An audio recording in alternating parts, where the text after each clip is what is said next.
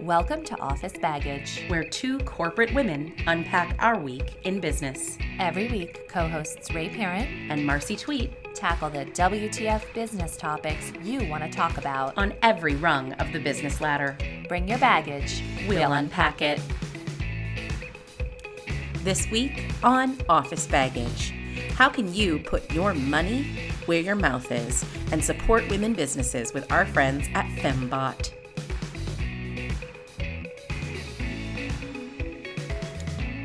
Hello, Office Baggage listeners. It is the last week of April, and for most of us, week six or seven of social distancing. So, welcome back. Thanks for listening. I hope, as always, that you are out walking your dog, enjoying some weather, six feet apart from anyone around you, but staying safe and healthy during this crazy time. I'm incredibly excited to introduce you to two phenomenal women on today's podcast, the co founders of FemmeBought. How much do you love that name, FemmeBought? Their tagline is Empower the Purse.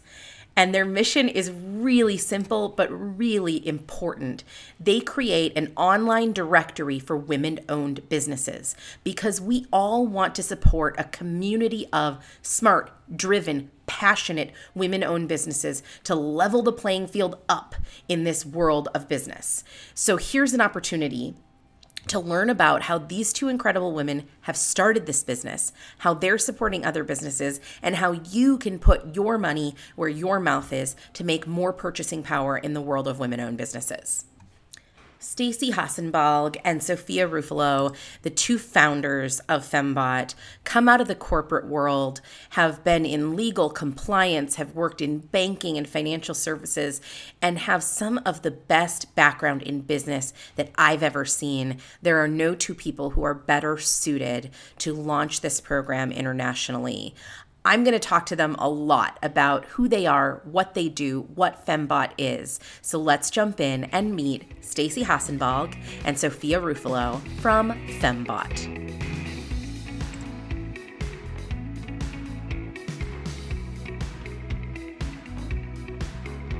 Well, good morning, Office Baggagers, and I am here very excited to be talking to Stacy Hassenbalg and Sophia Ruffalo, who are the co-founders of FemmeBought.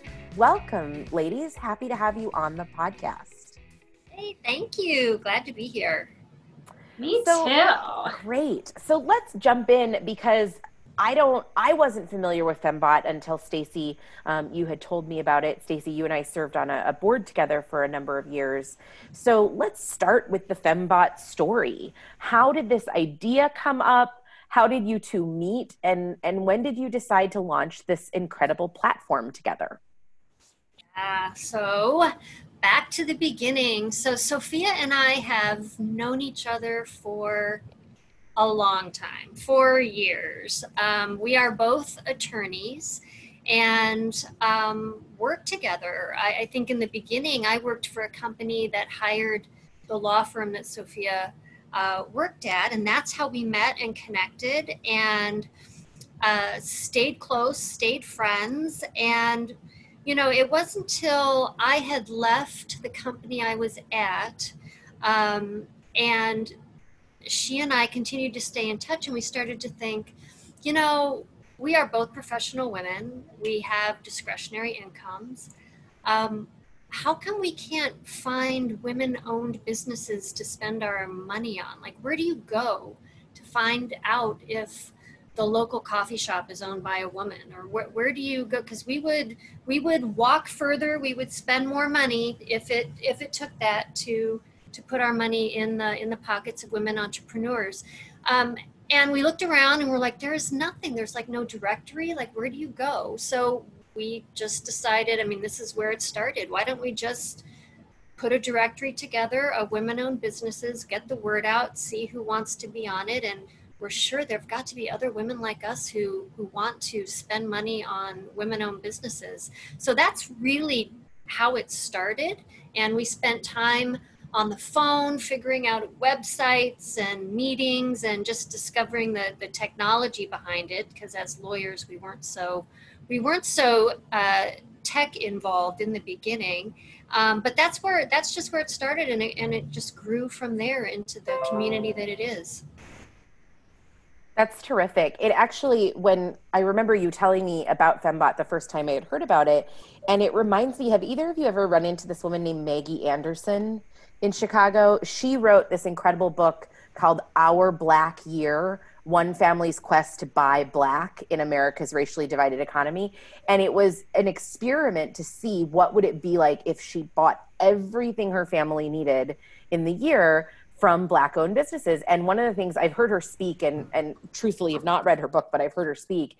And she said even finding out if businesses are black owned is incredibly difficult. And i found the same way and i know you guys have for for women owned businesses. It's shocking to me that there was no directory out there Yep, that's exactly how uh, that's exactly how we felt. We kind of couldn't believe, and, and we we checked around. There are some companies that designate and certify women-owned businesses, and there is actually uh, on some products a logo that indicates something is uh, made by a women-owned uh, business, but it's not well publicized, and it's not like you you can easily access that to know you know where to go for a service or or where to go for for what you need. So yeah we were so we were very surprised that there was just such a gap big hole. And those designations from what i hear are incredibly difficult to get right? To go through the process of becoming a certified women owned business you have to have years under your belt a lot of money. And you know we all want to support small as well Right, right, exactly.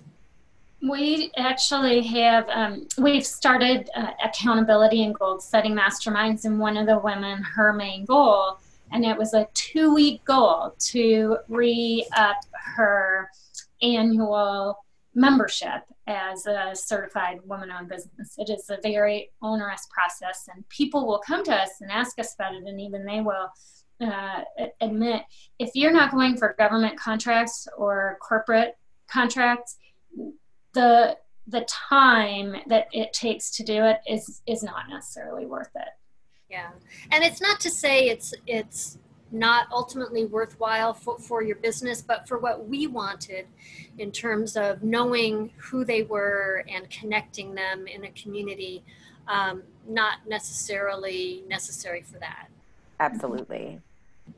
So, talk about that moment from this is an idea, we want to start something. Then, you know, a lot of people have ideas, right? And a lot of people don't start them, but you two truly made the entrepreneurial rubber meet the road and launched this platform. What was that process like of starting FemmeBought and getting it off the ground these last, it's been a couple of years, right? Mm-hmm. Now, we launched in August two years ago. So we were talking about this right around now, getting everything ready. And I remember we tried to create the website on our own. And I text Stacy one day, I'm like, I broke it. I broke the website. so there's a lot of trials and tribulations and experiments before you find the, the right people. And even one funny story that we blogged about was the the best seven hundred dollars we lost. So I love it. we hired a woman to do our development, and what we didn't realize is there's a big difference between a front end development and make it look pretty yep. and the back end actually coding. And we didn't need a coder and we hired a coder when we really needed a you know kind of a designer. Um, and so that was a that was a good lesson because we parted ways and got a fantastic designer to help us navigate and launched with 100 women businesses on our directory in august of 2018 and have grown to almost 700. Wow, that's incredible.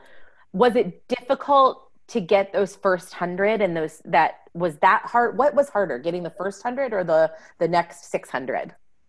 It's you know it's all a journey. The first hundred was hard because when we were socializing the concept, and Stacy can talk about it too. Uh, we would I, I would go up to people and say, "Do you know any women-owned businesses?" And they would just mm-hmm. blank stare. And these are women like us who, you know, you think you're supporting women, and then you get this question, and you're a little lost and and then a few days later, or a few months later, or a year later, they text me with a name. And I don't know, Stacy. yeah, I think it, it was, it seemed like it was more difficult in the beginning um, because honestly, when, when we would talk to women about putting this directory together, it was like, oh, oh, okay, like I hadn't thought about this. Let me think about who's a women owned business and, mm-hmm. and we'll get back to you. And then it, it seemed like once it took off, then it took off because there were a lot of women then connecting with each other, talking to each other about it, recommending it, um, using it as a resource for themselves or for their companies. So once it once it happened, it, it happened, but it was quite um, interesting in the beginning that it it kind of people would look at us kind of puzzled like a what a directory for what why okay i will have to think about mm-hmm. it and mm-hmm. get back to you mm-hmm. so interesting yeah and tell us where it is now 700 businesses listed on the directory you've added a lot of other things events a membership portal give our listeners a sense of what FemmeBought is today and how can individual women or women business owners get involved with what you do yeah, I, this is a fun one because every day is new for us. But what happened quickly after we created the directory, and as Stacy was mentioning, there's a lot of business to business happening. We were getting a lot of requests for help and services and advice and referrals and and beyond. And two main things that came up. One was funding, getting money how do we do that and yeah. it's not an easy it's not an easy answer right? And and we saw so many women going about it the wrong way and it, it, it was such a needful thing that we created our girls just want to have funding educational programming and and all of our education has a component about funding whether it's self-funding bootstrapping to get clients or if it's um, getting grants and loans, angel investing, mm-hmm. and, and just reminding people about some of the securities rules that are out there that are pretty in depth that people don't realize um, apply. So that's a big component of, of what we do. But just recently, really, really exciting is we've really fostered our community engagement, peer to peer engagement. So we now have masterminds and we do a lot of training from SEO. The other day I did one on um, do it yourself email funnels, which included all of my bloopers, all of the bloopers we've gone through, where somebody gets the email three times in a row in a nanosecond. Yeah. Um, it happens. It's out there. So I still can't figure out. I I have run a Mailchimp and I get the email like nine times when I send it, and I have gone on Mailchimp and tried to figure out how this is happening. I got nothing. I got nothing. I should have been on this. I should have been on this event that you yeah. did, Sophia it's ever it's evergreen. So that's the fun thing about yeah. it is that new members who come in have access to all of these fun fun things. But that's exactly it. You get the email nine times and you go in the back end and sometimes you fix it and sometimes you think you know what, I have to actually fix the button where people pay instead of dealing with the fact that I and other people might be getting exactly. it's a ba- it's a balancing act of what you can deal with today. Um, but what we really are proud of too recently is a lot of our work during the pandemic, um, where we helped women go virtual. So I, I love giving this example. Zuzu's Petals, always do a shout out to her because she joined our daily free goal setting accountability calls. And it was to get you out of bed in the morning, essentially, wow. to create that routine at 9:30 a.m. and and you'd be surprised. Our pajamas are on usually. But, you know, it was just something to get you out of bed. And at that time, she said, "I have a storefront. It's not operable. I'm not sure what to do. I don't have a mechanism for getting sure. my product online and shipping it, and all of the challenges associated with that."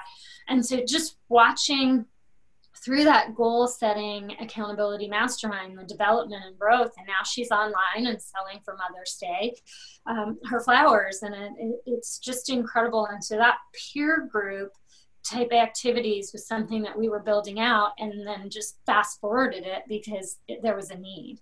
And now it's part of our part of our programming. Yeah. So the a lot of what, sorry go I, ahead stacy. say a lot of what FemmeBought has evolved into has been exactly what sophia has said because of need. Um, it was not just i mean we kind of put a directory out there and then saw that the questions coming in were like serious like i want funding. How do i get funding?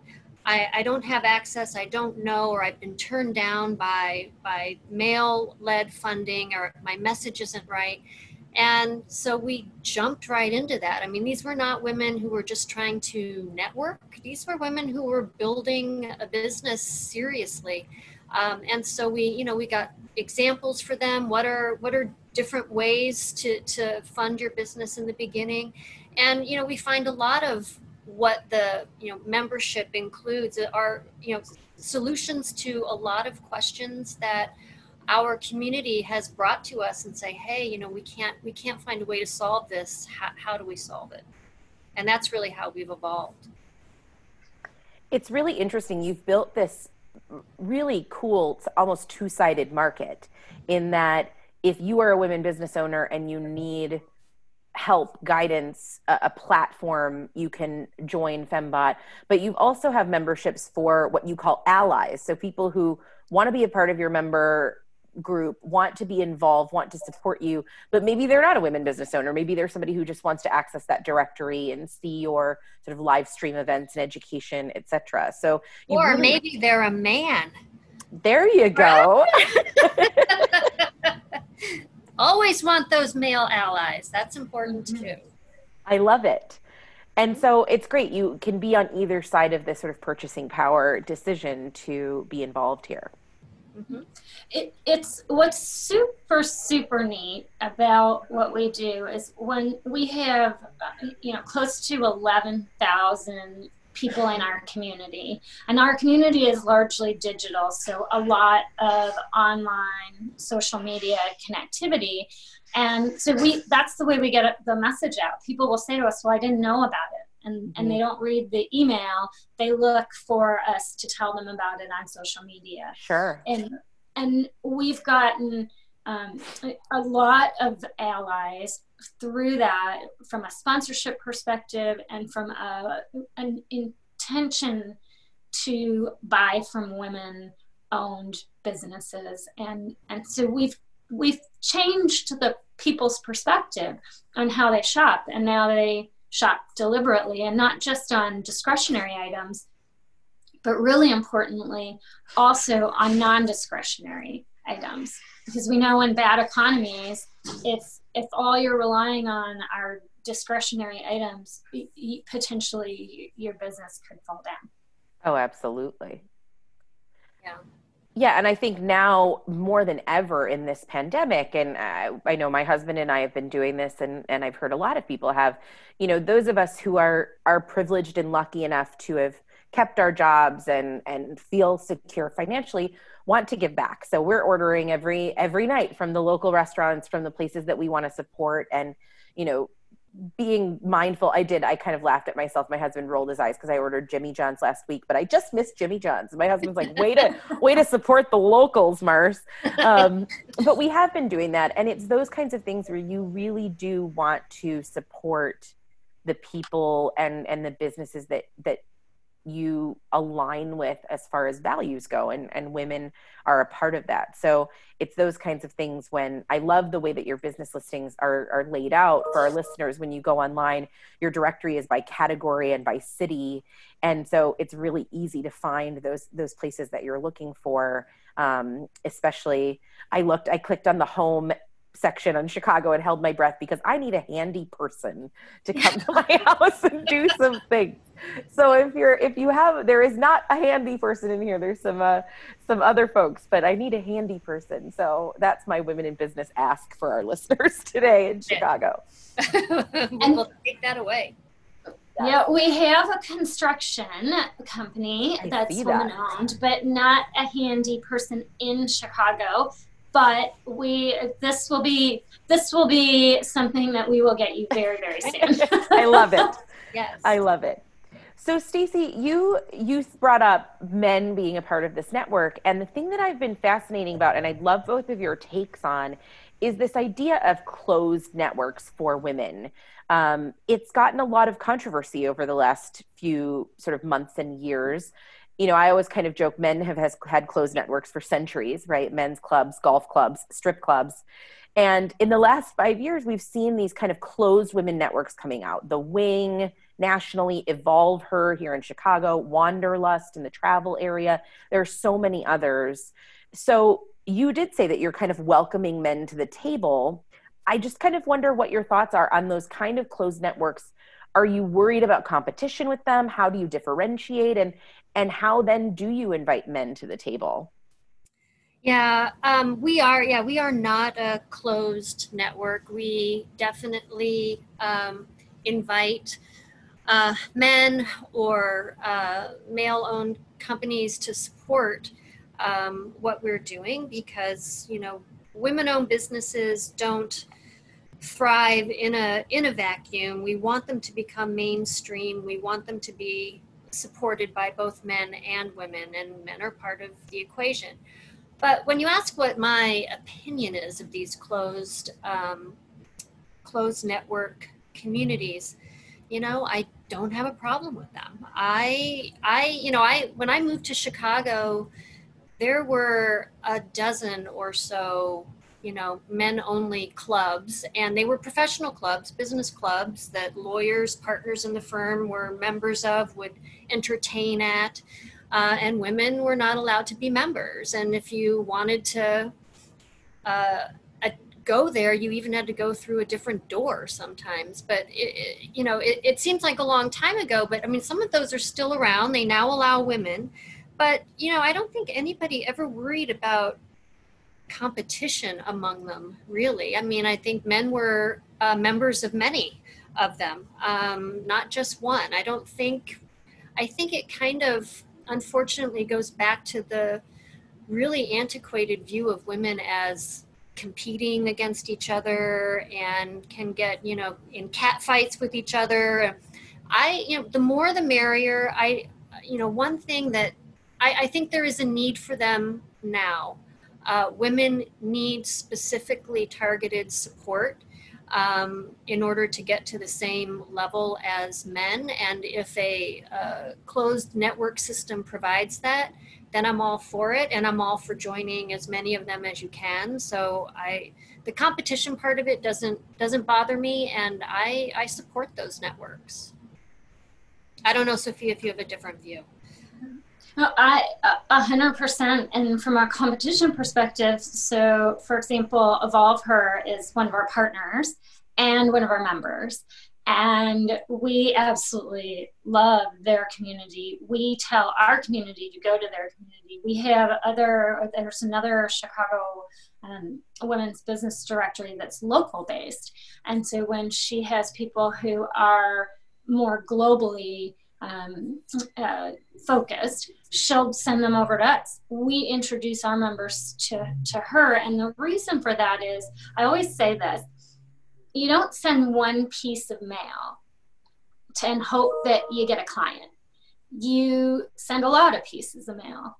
And joining a directory, joining a community, being part of a network only expands your reach. And so join them all the, the more the merrier and um, and and we we do the same. We'll join other people's communities and directories and support them because it only makes us stronger.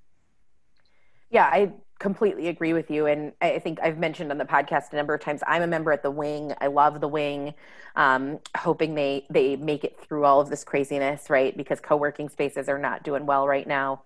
Um, but it's interesting because I feel like every one of these networks in Chicago has a different kind of traditional demographic.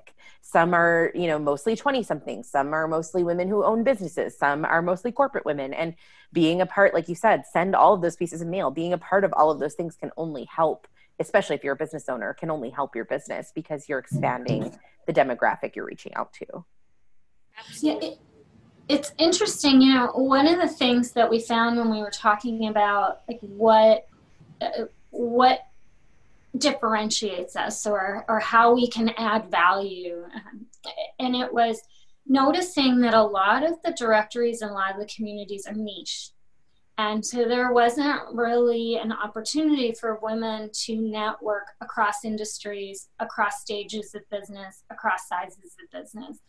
And so when people come to our events, they say, you know, what's so interesting about this is it's not just another trade association event. Mm-hmm. They they really are meeting supporters investors clients peers and and that breadth and depth is is something that we encourage all communities to embrace. Yeah. Absolutely. So it's interesting. I wanted to get your take on as we continue to expand on this idea of women owned and women helping women. Um, I had something crappy happen to me last week, and I thought this is the perfect time. I uh, so Stacy and I've been friends for a long time. Sophia, I'm, I'm gra- glad to meet you, uh, but Stacy's always been a great mentor to me. So I'm I'm going to ask her Aww. as a personal mentor ask, but I also want to hear what you think because I recently asked a friend and a, a women business owner for a favor, and she refused. And this woman's brand is wrought with women helping women, women empowerment. And I was on a Zoom call with some friends and I complained about what had happened and that I asked this woman for a favor that I've done countless favors for. I've helped her business, I've done everything I can for her business and she refused to help me. And my mm-hmm. friends all said, Oh, whenever somebody says women helping women, women doing this, women empowerment, I always think they're probably just touting it as a marketing thing. And I went, Really? Are we that jaded that when women say, I want to help other women? So it's just interesting to me. How do you how do you guys judge a women's business if they're truly the real deal or if they're just using the owned by women moniker as a marketing ploy. And and how do you kind of walk those fine lines between you know marketing ploy versus versus really caring about this demographic of people? Yeah. You know i wish i could say i i haven't had those types of crappy interactions myself but i i have. I mean i think um, and I've encountered it more in um, larger corporate settings. Mm-hmm. Um, the kind of desire to um, say you serve women um, when, I mean, actually, that's being used as a sales ploy. Usually, that's when it, it's sure and isn't true. Um, and actually, when you you know look further into the company you know they're not promoting women. There aren't women at the top but they say they they serve women in order to get to get sales. And you know some of that is is okay. Like you know in the financial services industry i'm, I'm glad people want to sell to women now. They're recognizing that women uh, control the majority of the wealth you know in the country and how we how we spend it. So, you know, good for financial services companies and wealth managers for starting to target women. I think that's I think that's good. But I, I think there are those companies that um, that will put it out there without really being transparent uh, about other numbers that matter as to whether they support women. They want to sell to women, but they don't necessarily support women. And there's a and there's a big difference. I I have not encountered that in our in our network at all. I mean, you can tell pretty quickly that these are women wanting to support each other and network with each other, and um, there isn't that um, kind of facade of uh, women networking just to just to promote the network. Um, so I, have seen it in a broader setting, but I, I, haven't seen it in a smaller setting. And you know, I I think you just have to be attuned to to what's going on. That's kind of been that's been around for a long time. I don't think it's going to go away. Um, but I'm not so jaded as to think that it, it's it's prevalent. There are some circumstances that it happens more than than others, but we haven't seen it in what we do. And Sophia, I don't know if you have a different take on it.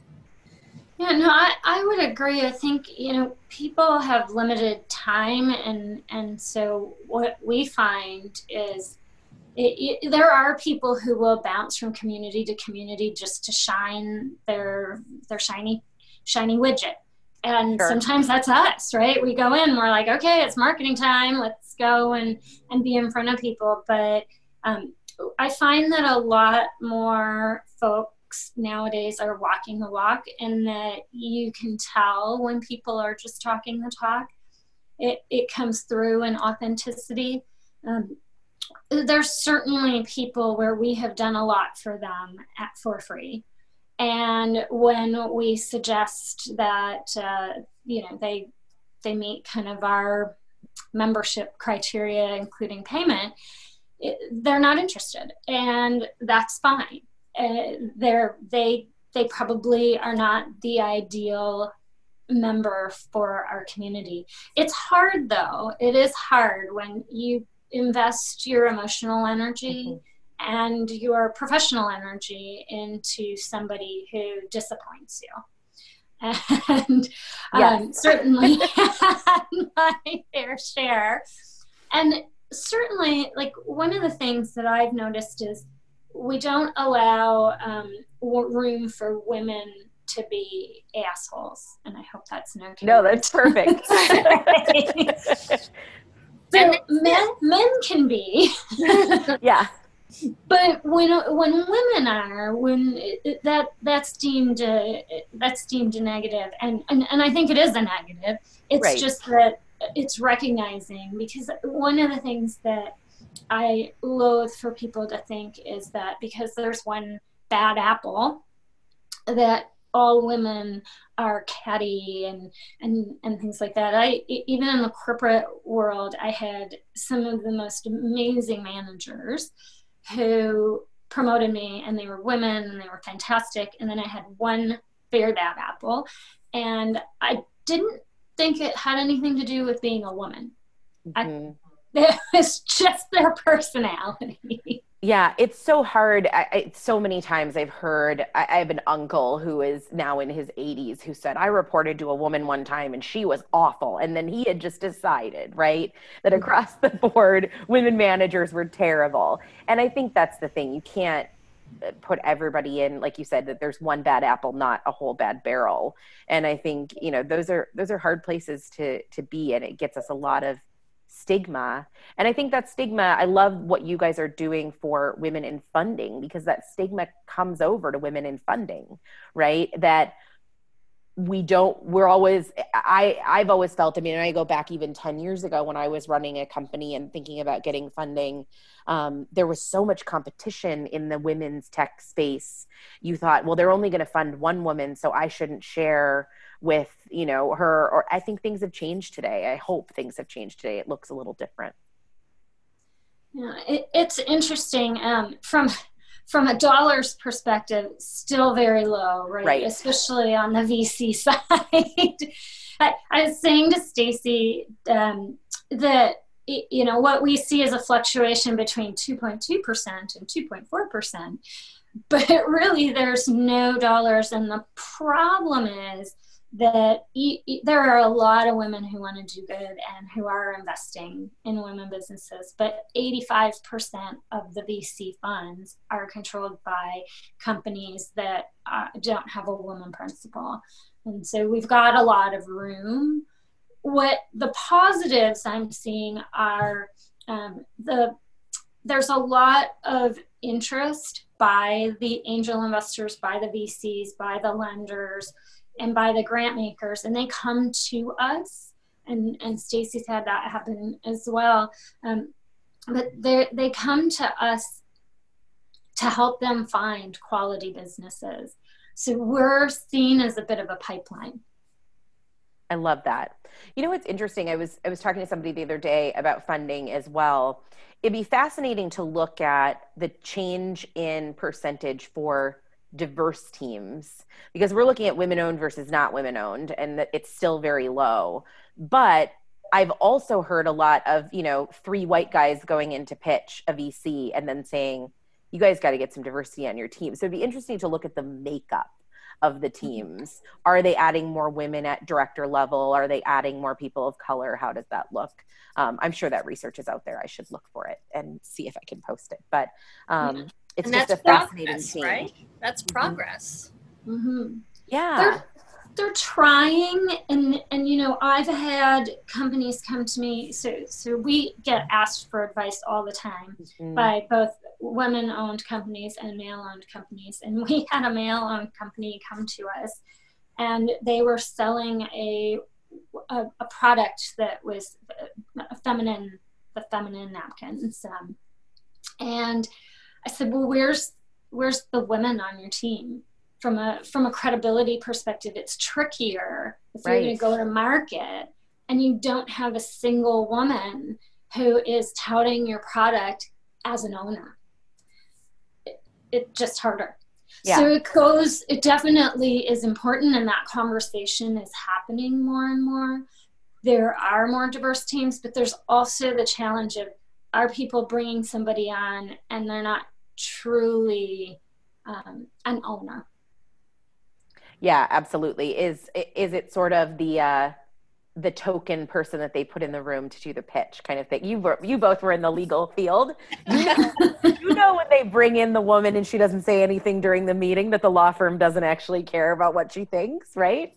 Yeah, yeah. Not so much, I hope, anymore. Yeah. But yes, that used to be that used to be the way sometimes it, it was it was handled until we got a little savvier and started requiring that the woman get the the new business credit and the sales credit and she's Yep. the one leading that legal team so Well, yeah. and those are, I think, those are places where big businesses can make that big difference. I've heard, um, I think it's Walmart, right, who has who did that. One of the first sort of big businesses who said you need to have, and it can't just be token. You need to have a woman of color, or a, a person of color, a woman leading the team in legal and PR firms and all those kinds of things, and really turned down business and turned out law firms that they had worked for for years if they didn't do it. Yep. So there's, you know, there's ways that big businesses can make that change as well as small. absolutely One of the things that we do, because we do work with corporate sponsors, is um, we have some criteria by which a, company can sponsor. And one of them is that uh, if they're working with our members, that they have a woman lead on the deal team, whatever, you know, whatever service or, or, or Yeah. goods. Yes, and I think that's big. It's interesting because eh, you know you can wave a magic wand and want for things. I think we've been so there's been so much focus about women on boards, and then you'll see boards that are really diverse, and then you look mm-hmm. down at that leadership team and there's nothing. Yep. And those are the places where decisions are really being made for the company, and and where diversity is incredibly needed. Yep. I t- completely agree So on that same vein, you you talk about this kind of lack of female CEOs uh, in the marketplace on your marketing and in your website. And Stacy and I, you and I have talked about this a lot of sort of women rising to quote the top in the corporate atmosphere. And I'm interested for both of you uh, coming to FemmeBought and what left you led you to to bring you here. Kind of feels like hitting a glass ceiling in some ways and choosing to maybe make a pivot into something different. So, talk a little bit about that because I think there's this moment. I'm having it right now. I'm, I, I, w- I had a conversation with some podcast guests last week that went up about feeling like women in their 30s and 40s are kind of in this sandwich generation of you know we can't we're too, we're not we're too old to be considered young and hungry and we're not old enough to be considered for the executive jobs. And then we see a lot of women in the sort of over, over 40 capacity leaving corporate as well to start businesses. So it's an interesting i'm wondering how you attacked that as a kind of double-edged sword of let's take a step back start this business but are we conceding the fight in corporate when we do that? And i know you both have have been sort of a foot in and a foot out at times and and Stacy you have a corporate job still. So it, talk to me about how that works and what your thought process is in the glass ceiling and and what you've hit in your careers. Yeah um, well it exists. I we have not um, shattered the, the glass ceiling yet. It still does uh, exist. And my own personal experience, I was 20 years uh, in house uh, at, a, at a big bank and um, left because of the corporate ceiling. I mean, I, I was at a place where I should have started and I expressed interest in moving up uh, into more senior ranks. And you know what what you the response that you get back is is never really no, but it's kind of like, well, we were looking for someone with a different fit this time around, or someone with different uh, skill sets. Maybe if you did this for a while, next time. So I got a lot of that feedback for years, and would see my male counterparts and some who were much younger than me and who had been at the company much less time, um, kind of catapulting ahead into kind of chief jobs. And the chief jobs kind of always eluded me. And I got to the point where, you know, leaving a company you'd been at for 20 years, there I was very fearful. And and I had been a very diligent employee thinking like if i just worked longer if i just worked harder they would know. Um, I, I ended up hiring a coach uh, best best money i've ever spent on myself um, to really kind of evaluate where i was and what was happening. And you know i i felt like there was a glass ceiling and i just realized that well time to move on. Uh, and moved to a, a smaller corporate environment that wanted me there for my experience uh, and was able to move into more into more senior roles. So i i felt like there is a time where you have to admit what's happening to you take control. A lot of it is control. I feel like right. you you butt against that glass ceiling because you, you're not taking control and sometimes control means you you need to leave. You need to really look at the situation and leave um, which is why i hired a coach which i have to this day and keeps me honest and keeps me on track. And my success and my kind of confidence as well as launching FemmeBought and and moving in and out of the corporate world has really been from what I have learned from a career coach and her kind of focusing on my strengths and calling me out like she calls bullshit on me if i can say that like i yes. like she she will tell me when i'm kidding myself about something so i don't spend another 20 years at a company um, so I, I just think it's very good to surround yourself with people who give you feedback to recognize there is a glass ceiling and to also not take that as a defeat. That just means you need to move elsewhere, and oftentimes uh, the best is is yet to come once you do that. Absolutely. Great. So let's go back to this question of fundraising because I, I do want to ask you there what are your thoughts on how we get that two and a half percent or or whatever it is today up to where it needs to be. Eh, how do we close the gap between women owned businesses and male owned businesses as far as vc or pe funding? Yeah. I, I think that there's a few things that we can do. One is if you're a woman and you have the means to invest do it. And we can help you find that fund that you can invest in in terms of a, VC fund or an angel fund or you know, we can help with that but starting to spend our money and, and insist on it um, on on being part of the investment eco- ecosystem it is a huge step mm-hmm. forward and it's it's whether it's private placements or it's uh, you know VC funds or it is you know sort of friends and family uh, participation in an investment.